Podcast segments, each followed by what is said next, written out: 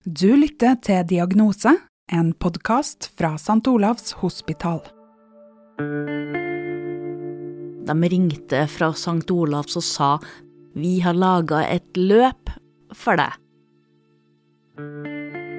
Når hun sa det, da kjente jeg oi. Jeg skal ikke si at jeg måtte sette meg litt ekstra ned, men det var da jeg på en måte tok en ekstra pust og tenkte over at uh, ja, det har jeg òg fått.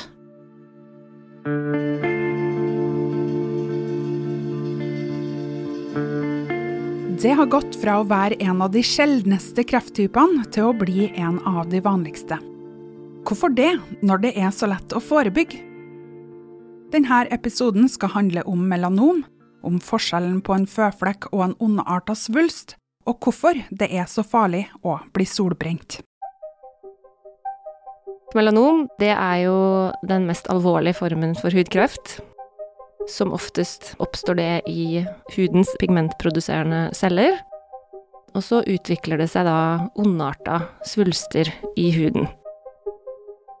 Ellen Modalsli er overlege ved hudavdelinga ved St. Olavs hospital og førsteamanuensis ved NTNU.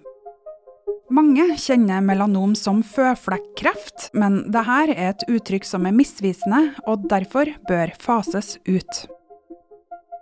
Altså, melanomer er ondarta sykdom, mens normale føflekker er jo godarta. Og det som er vanligst, er at dette her oppstår som en ny hudforandring. Så det er mer sjelden at det faktisk utvikler seg i en føflekk som du har hatt lenge. Og Derfor så ønsker vi egentlig å tone litt ned den bruken av ordet føflekkreft, fordi det liksom kan feilaktig forstås som at en normal føflekk er et forstadium til hudkreft. Antallet som får påvist melanom øker i hele verden, også i Norge. I 1971 var melanom en sjelden kreftform med ca. 300 tilfeller i Norge. Dette tallet har økt dramatisk, Ca. 2500 personer her til lands fikk påvist melanom i huden i 2021. Det er i aldersgrupper fra 50 år og oppover at vi ser den største forekomsten, og her ser vi også den største økningen sammenligna med tidligere. Sånn at for de yngre aldersgruppene så er jo forekomsten faktisk stabilt lav, mens i de eldre aldersgruppene så ser vi at den er økende, og at dette er mer økende enn det vi liker. Det er en uh, bekymringsfull uh, utvikling. En svært liten del av befolkninga er arvelig belasta for å utvikle melanom. Men for de aller fleste så er det én klar årsak, nemlig UV-stråling. En del av forklaringen på hvorfor forekomsten av melanom er økende, det har sannsynligvis sammenheng med befolkningens solvaner og UV-eksponering å gjøre. Det vi vet, er jo at ultrafiolett stråling, eller UV-stråling fra sol eller fra solarium, det er den viktigste ytre risikofaktoren for å utvikle melanom i hud, og dokumentasjonen for det begynner etter hvert å bli veldig god. Det er mengden UV-stråler som avgjør risikoen for å utvikle melanom i huden, og hvor mye hver enkelt person tåler, varierer. Det er uansett visse ting som er med på å øke risikoen kraftig, og særlig det å oppsøke sola midt på vinteren. I Norge så er vi jo fortsatt veldig glad i å sole oss, og særlig spesielt etter å ha vært på ferie, så forventes det jo nesten at du har fått en grad av tan, eller i hvert fall at du har vært ute, da. Det er jo liksom det som er idealet, og sånn sett så ser vi jo f.eks. at vinterblek hud i sola kan by på visse utfordringer. Og det vi mener etter hvert å ha ganske god dokumentasjon for, det er jo at en sånn plutselig intens soling på vinterblek hud, f.eks., som medfører en stor grad av solforbrenning, er noe av det som er minst gunstig i denne sammenhengen. Og f.eks. det at vi er såpass villige da, til å kle av oss når vi først er i Syden på vinteren, f.eks. når sola står som høyest midt på dagen. Da har det jo tradisjonelt vært litt sånn at det er vi som blir igjen ved bassenget, mens de andre trekker inn, eller trekker inn i skyggen og tar en liten pause fra sola. mens vi er så hungrige på akkurat den biten at vi faktisk blir igjen. Og, og sånn sett eh, tror vi jo at det kanskje er noe av det som er minst gunstig. Men også i Norge bør man være forsiktig når sola dukker opp igjen etter en lang vinter. I kombinasjon med snø og vår, og at vi er ofte veldig, i utgangspunktet ganske bleik, det gjør jo at solbrenthet-risikoen øker. Så det er jo spesielt viktig når man da er på påskefjellet og på ski og får den økte refleksjonen fra snøen, i tillegg til at man har en vinterblek hud, at man da er nøye med å unngå å bli brent. Så hva er det som er så farlig med å bli solbrent? For å forstå det, så må vi først forstå litt hvordan huden fungerer. Huden forsøker nemlig å beskytte seg sjøl mot potensielt skadelige UV-stråler ved å produsere fargestoffet melanin. Melaninet legger seg over andre celler og tar imot UV-strålene i et forsøk på å redusere skaden på resten av hudcellene. Når vi blir brun, så er det med andre ord et tegn på at kroppen forsøker å beskytte seg sjøl mot sola. Og når man blir solbrent, så har huden fått mer sol eller solariumslys enn den tåler. Du kan tenke deg at UV-strålingen induserer en skade på hudcellene dine, som kroppen som regel klarer å reparere. Men så vil det hos noen overskride en terskel for hva kroppen klarer å reparere, og på den måten så kan solbrenthet skade arvestoffet, altså DNA-et du har i hver enkelt hudcelle. Og så kan det føre til at det blir en mutasjon, som igjen kan være opptakten til en melanomutvikling hvis kroppen ikke klarer å reparere denne skaden som er skjedd på arvestoffet. Hvor godt huden tåler sol og UV-stråling kommer an på flere ting, bl.a. hvilken hudtype du har. Det er vanlig å bruke en skala for å angi hvordan vi reagerer ulikt på UV-stråling. F.eks. da hudtype 1, det tilsvarer jo lys hudtype, som alltid blir brent, mens de som har en annen hudtype, f.eks. 4 eller 5, de blir sjelden brent. Og det vi vet, er at personer med lyse hudtyper er mer disponert for melanom enn andre.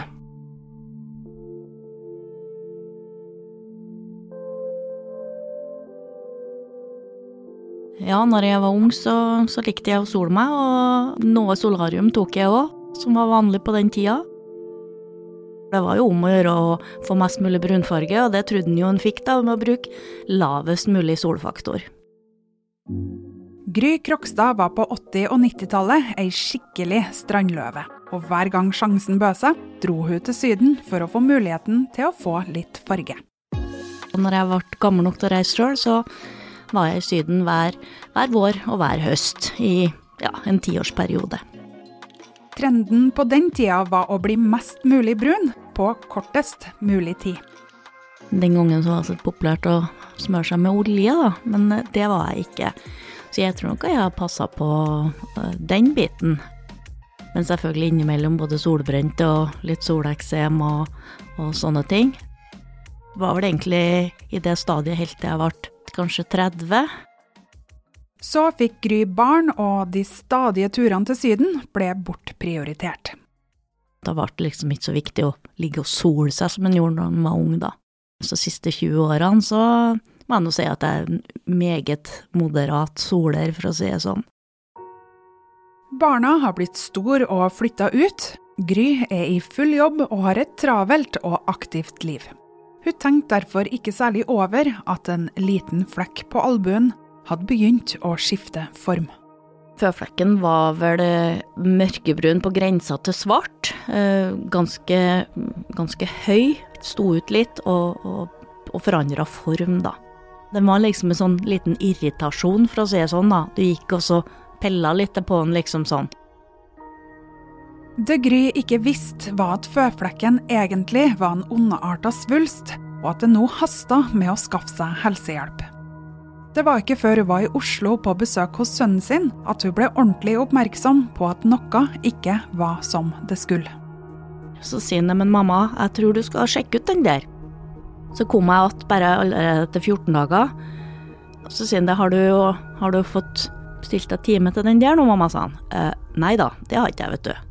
Og så tenkte jeg, må man jo høre på han da. Så jeg ringte på legesenteret og bestilte meg time. Når jeg fikk time på legesenteret, så så jeg jo på han, og så hun sa det at ja, den her skal vi nå ta, det trenger ikke å være noe, sa men eh, vi tar den læl. Det her var på en fredag hun tok den. Torsdagen etterpå så ringte hun fra legesenteret og sa at da hadde de funnet kreftceller i den eh, føflekken. Den typen svulst som Gry hadde på albuen, er den vanligste typen melanom, og er oftest et resultat av at UV-stråler har skada cellene i huden. Slike svulster vokser på hudens overflate, men hvis den ikke fjernes, så vil den etter hvert vokse seg tjukkere og gå dypere inn i huden. Og hvis fastlegen da tenker at her er det mistanke om kreft, så vil ofte fastlegen fjerne føflekken da skal hele ut med mellom to til fem millimeter med, med det vi kaller frisk hud eller fri kant.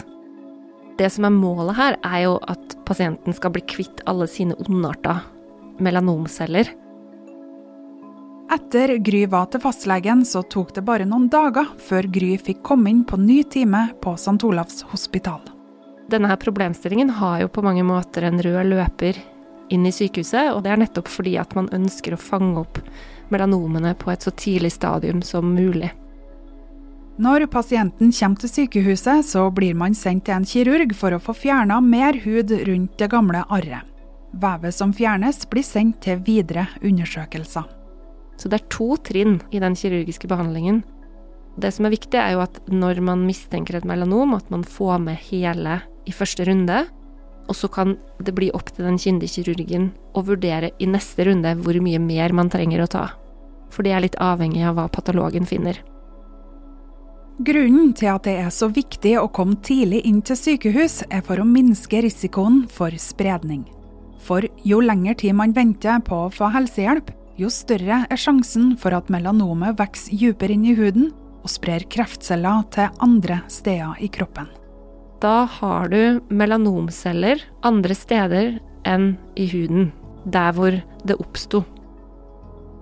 Det kan jo være at det har spredd seg lokalt i huden rundt, der det opprinnelig starta. Eller så kan det spre seg via lymfen til lymfeknuter du har i nærheten. Eller så kan det også spre seg til organer som er lenger unna, som f.eks. hjerne. I 2021 alene døde nesten 300 personer i Norge av melanom i huden. Norge har jevnt over dårligere overlevelse enn sammenlignbare land. Og det er jo noe vi er bekymra for. Det vi ikke vet, er jo hvorfor det er sånn. Er det fordi at vi ikke er gode nok til å stille diagnosen tidlig nok? Eller er det fordi at vi har eh, helt andre typer risikofaktorer som disponerer for mye mer aggressive typer av melanom? Har det noe med at ikke vi er oppmerksomme nok på det som er av endringer i huden sånn generelt? Vi ønsker jo og tror jo at hvis vi hadde klart å stille den diagnosen her på et tidligere stadium oftere, så håper vi jo at vi ville sett at dødeligheten gikk ned, og sånn sett at det ble økt overlevelse. Til tross for de dystre tallene, så er det også mye større behandlingsmuligheter for langkomment melanom nå enn tidligere. Ny medisinsk behandling har jo gitt bedring av leveutsiktene for de pasientene som har avansert sykdom, altså de som har påvist eh, spredning. Og en del av de pasientene tilbys nå immunterapi. Og da er jo tanken at de skal ha redusert risiko for tilbakefall hvis de får immunterapi, som virker å ha en langvarig positiv effekt på den pasientgruppa. Og sånn sett så representerer jo immunterapien et paradigmeskifte i melanombehandlingen hos de som har avansert sykdom. Det gikk vel opp for meg at jeg var kreftpasient egentlig da de ringte fra St. Olavs og sa vi har laga et løp for deg. Når hun sa det, da kjente jeg oi. Eh, jeg skal ikke si at jeg måtte sette meg litt ekstra ned, men, men, det var da jeg på en måte tok en ekstra pust og tenkte over at uh, ja, det har jeg òg fått. Etter at Gry hadde vært på sykehuset, så venta tre lange uker. For så lang tid tar det nemlig å få vite om kreften har spredd seg. Å tenke på at det skulle bli noe videre spredning, noe videre behandling, var det, var det som var det fryktelig skumle oppi det her, da. Så det viktigste for meg da var å ha en helt vanlig hverdag med mye jobbing, så jeg skulle slippe å, å tenke eh, på de tre ukene. Men jeg klarte jo selvfølgelig ikke det sånn helt, da. Men i hvert fall mellom åtte og fire, eh, så klarte jeg på en måte å skyve det litt bort, da. Fordi Begynne å tenke på det, det, var, det litt det, det, klarte jeg rett og slett ikke da, for det var ikke noe alternativ egentlig på at det skulle være noe videre spredning. Tre uker gikk, og patologene hadde sendt fra seg resultatene fra prøvene av vevet som kirurgene fjerna. Gry dro til sykehuset og fikk svaret hun hadde venta på. Den dagen så Ja, det var vel en dag som var mer spent enn noe annet. Eh, og når jeg kom på sykehuset til legen, så så han vel sikkert jeg var både grå og grønn og alt i, i ansiktet, så han sa ganske fort at eh, det her har gått bra, eh, fått, det, det, her er en fin diagnose, sa han. Det er ikke noe spredning, og det var ikke noe innledning, det var bare rett ut, for han så sikkert at, at ja, at ikke formen var helt bra da, da. Det var mye spenning som satt i kroppen, da. Var det. Samtidig så fikk jeg jo en oppfølgingsplan som eh, jeg syns er helt fabelaktig at vi kan ha i Norge. At de skal inn og, og følge opp deg så tett som de gjør da i x antall år etterpå. Siden det ikke var spredning, så skal Gry gå til kontroller hver sjette måned de neste fem årene, og har lært seg å undersøke huden sin sjøl hjemme. Og Gry er takknemlig for at sønnen maste litt ekstra på henne. Jeg er jo kjempeglad for at noen pusha meg til å gå og sjekke meg, og fikk jo på en måte en liten oppvåkning på at det er jo kjempeviktig at en sjekker seg.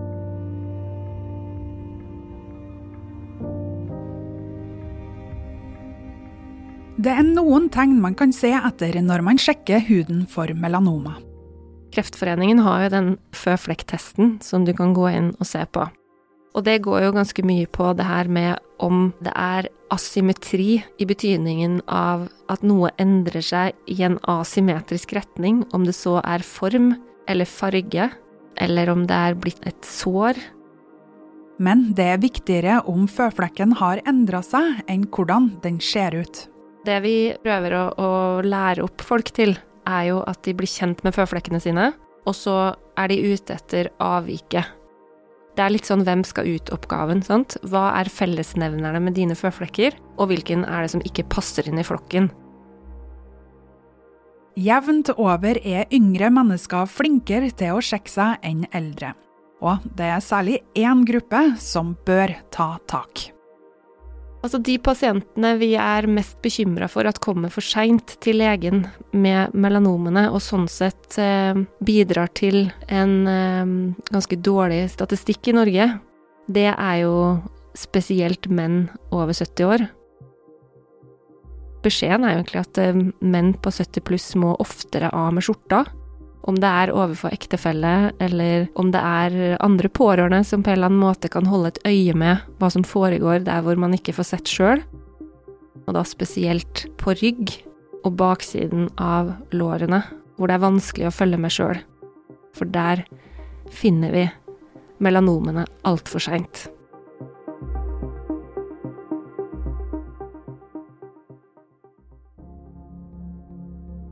Så hva kan du sjøl gjøre for å holde risikoen for å utvikle melanom i huden lavest mulig, samtidig som at du får dagslys og D-vitaminer? Stikkordet er å være fornuftig. Det er viktig å få utfolde seg og være ute og ha det hyggelig og kose seg i påsken og sånne type ting. Det er enkle måter vi kan endre vår atferd på, og sånn sett gjøre det mye tryggere med tanke på hudkreftrisiko. Det viktigste er å gjøre det du kan for å unngå å bli solbrent. Hvis du er i Spania på ferie, så legger du inn en pause når sola står høyest på himmelen, f.eks. midt på dagen. Da trekker du kanskje innendørs istedenfor å virkelig legge deg til. Punkt to er jo at vi må unngå solarium. Og når det er snakk om solarium, så har vi jo ingen trygg nedre aldersgrense. Og vi vet jo at solarium forårsaker en vesentlig andel melanom, og at kreftrisikoen er størst når solariumsbruket starter i ung alder. Mengden soling du gjør i løpet av et liv har også betydning for faren for å få melanom i huden. I tillegg til å unngå solbrenthet da, og solariumsbruk, så er det faktisk sånn også at en mer sånn kronisk akkumulert, mer langvarig soleksponering også står på lista over de miljøfaktorene vi kjenner til at gir økt risiko for melanom. Og det betyr at det å f.eks. ta solarium før du reiser til Syden for å unngå å bli solbrent, det er nødvendigvis ikke en god idé. Og når du først er i sola, så skal du bruke solkrem, minimum faktor 30. Det solkrem egentlig er til, er jo å beskytte seg mot sola der vi ikke kan beskytte oss på andre måter. F.eks. i ansiktet, på armene og sånne ting. Så den er jo egentlig ikke ment som en krem som skal brukes for å kunne være 30 ganger lenger i sola før du blir brent. Sånn som mange bruker det. At du har smurt deg, så derfor så kan du bare øke eksponeringen desto mer. Det er ikke det som er tenkt, da. Tanken er jo at vi beskytter oss mot sola, spesielt da midt på dagen, og så bruker vi solkrem der vi ikke kan beskytte oss fysisk. Gry var heldig og oppsøkte helsehjelp fort. Og et arr på albuen er det eneste som minner om det hun har vært gjennom. Jeg har jo da et veldig synlig bevis på at, uh, at kreften er borte, da. Uh, du kan jo si at uh, den er skåret opp og tatt bort og sydd igjen, og, og, det som vises utad, det er liksom bare rester av noe. Den påminner meg da, på en måte at du ikke skal ta lett på ting, da. Det er liksom en Den er liten, men den er synlig, så den minner meg litt på at ikke ta ting for gitt, da. At en faktisk må passe på kroppen sin og, og være litt flink til å, å se etter endringer, da, hvis at en føler at det er noen endringer, og faktisk gjøre noe med dem.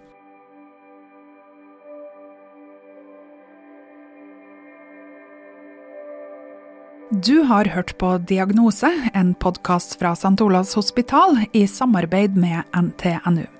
Denne episoden ble produsert av meg, Kirsten McDonagh, Elling Finanger Snøfugl og Nils Lian. Marit Kvikne er vår ansvarlige redaktør. En stor takk til Ellen Modalsli og Gry Krokstad som fortalte oss om melanom. Har du lyst til å gi oss ei tilbakemelding, eller kanskje du har tips til tema vi kan lage noe på? Send en e-post til diagnose alfakrøllstolav.no. Abonner på Diagnose der du lytter til podkast, og følg St. Olavs hospital på Facebook og Instagram.